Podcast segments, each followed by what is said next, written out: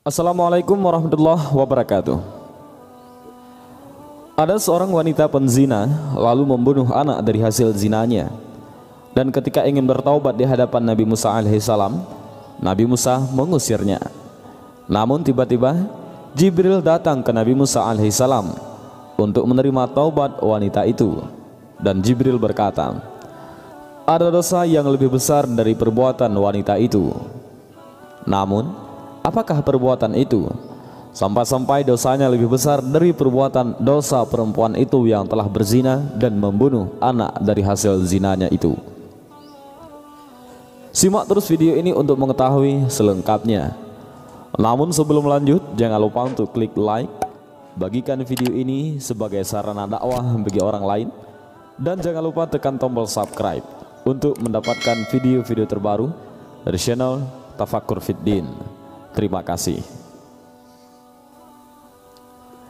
Pada suatu ketika, di zaman Nabi Musa alaihissalam, terlihat seorang wanita berjalan terhuyung-huyung. Pakaiannya yang serba hitam menandakan bahwa ia berada dalam duka cita yang mencekam.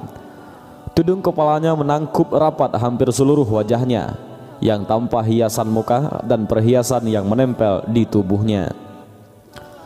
Kulit yang bersih, putih, Badan yang ramping dan roman mukanya yang ayu tidak dapat menghapus kesan kepedihan yang telah meroyak hidupnya. Ia melangkah terseret-seret mendekati kediaman rumah Nabi Musa alaihissalam. Diketuknya pintu perlahan-lahan sambil mengucapkan salam. Maka tiba-tiba terdengarlah ucapan dari dalam rumah, silahkan masuk. Perempuan cantik itu lalu berjalan masuk sambil kepalanya terus menunduk. Ia duduk di hadapan Nabi Musa alaihissalam sambil matanya terus melihat ke bawah. Air matanya berderai tatkala ia berkata, Wahai Nabi Allah, tolonglah saya, doakan saya agar Tuhan berkenan mengampuni dosa keji saya. Apakah dosamu wahai wanita? Tanya Nabi Musa alaihissalam dengan keadaannya yang terkejut. Saya takut mengatakannya, jawab wanita cantik itu. Katakanlah jangan ragu-ragu. Desak Nabi Musa alaihi salam.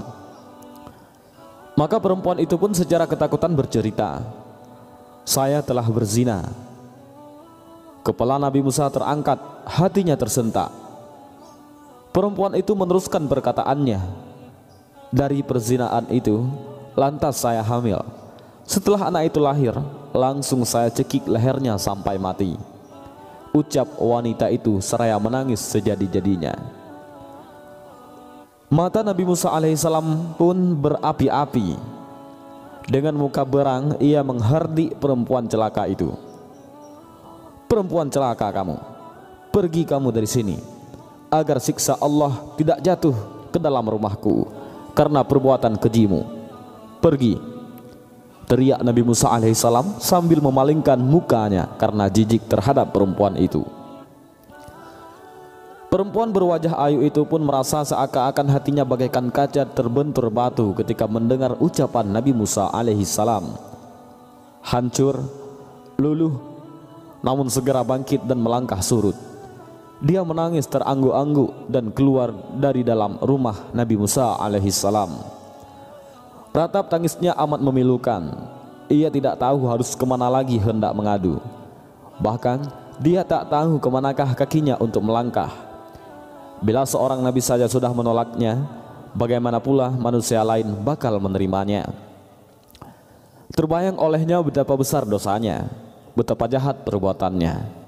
Namun, sepeninggalnya, malaikat Jibril turun mendatangi Nabi Musa alaihissalam Sang malaikat penyampai wahyu itu lalu berkata, Mengapa engkau menolak seorang wanita yang hendak bertobat dari dosanya? Tidakkah engkau tahu dosa yang lebih besar daripadanya? Nabi Musa terperanjat kaget. Dosa apakah yang lebih besar dari kekejian wanita penzina dan pembunuh itu? Maka Nabi Musa alaihissalam dengan penuh rasa ingin tahu bertanya kepada Jibril. Betulkah ada dosa yang lebih besar daripada perempuan yang hina itu? Ada. Jawab Jibril alaihi salam dengan tegas. Dosa apakah itu? Tanya Nabi Musa alaihi salam yang kian keliru. orang yang meninggalkan sholat dengan sengaja dan tanpa menyesal. Orang itu dosanya lebih besar daripada perbuatan wanita itu seribu kali, kata Jibril alaihi salam.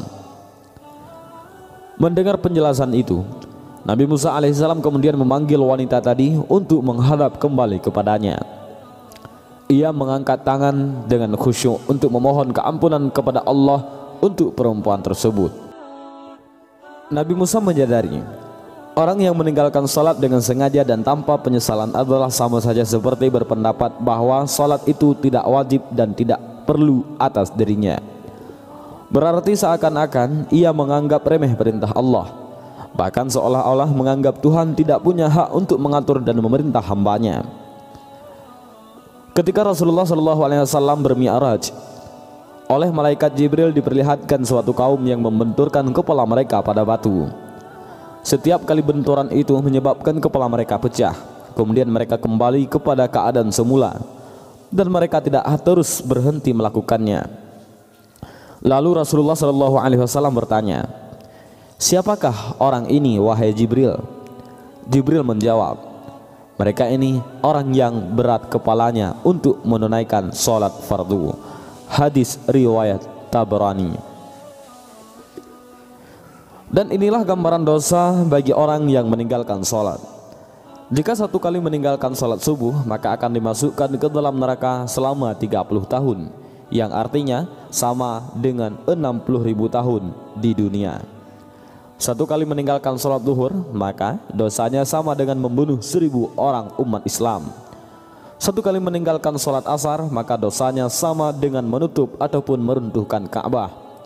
Satu kali meninggalkan sholat maghrib maka dosanya sama dengan berzina dengan orang tuanya sendiri. Dan satu kali meninggalkan sholat insya maka akan diridho tidak akan diridhoi oleh Allah Subhanahu Wa Taala tinggal di bumi atau di bawah langit serta makan dan minum dari nikmatnya Allah. Dan demikianlah kisah Nabi Musa alaihissalam dan perempuan penzina itu dan ancaman bagi orang-orang yang meninggalkan sholat. Dan mudah-mudahan kisah ini menjadi pelajaran berharga bagi kita semuanya. Amin ya rabbal alamin. Wallahu a'lam bissawab.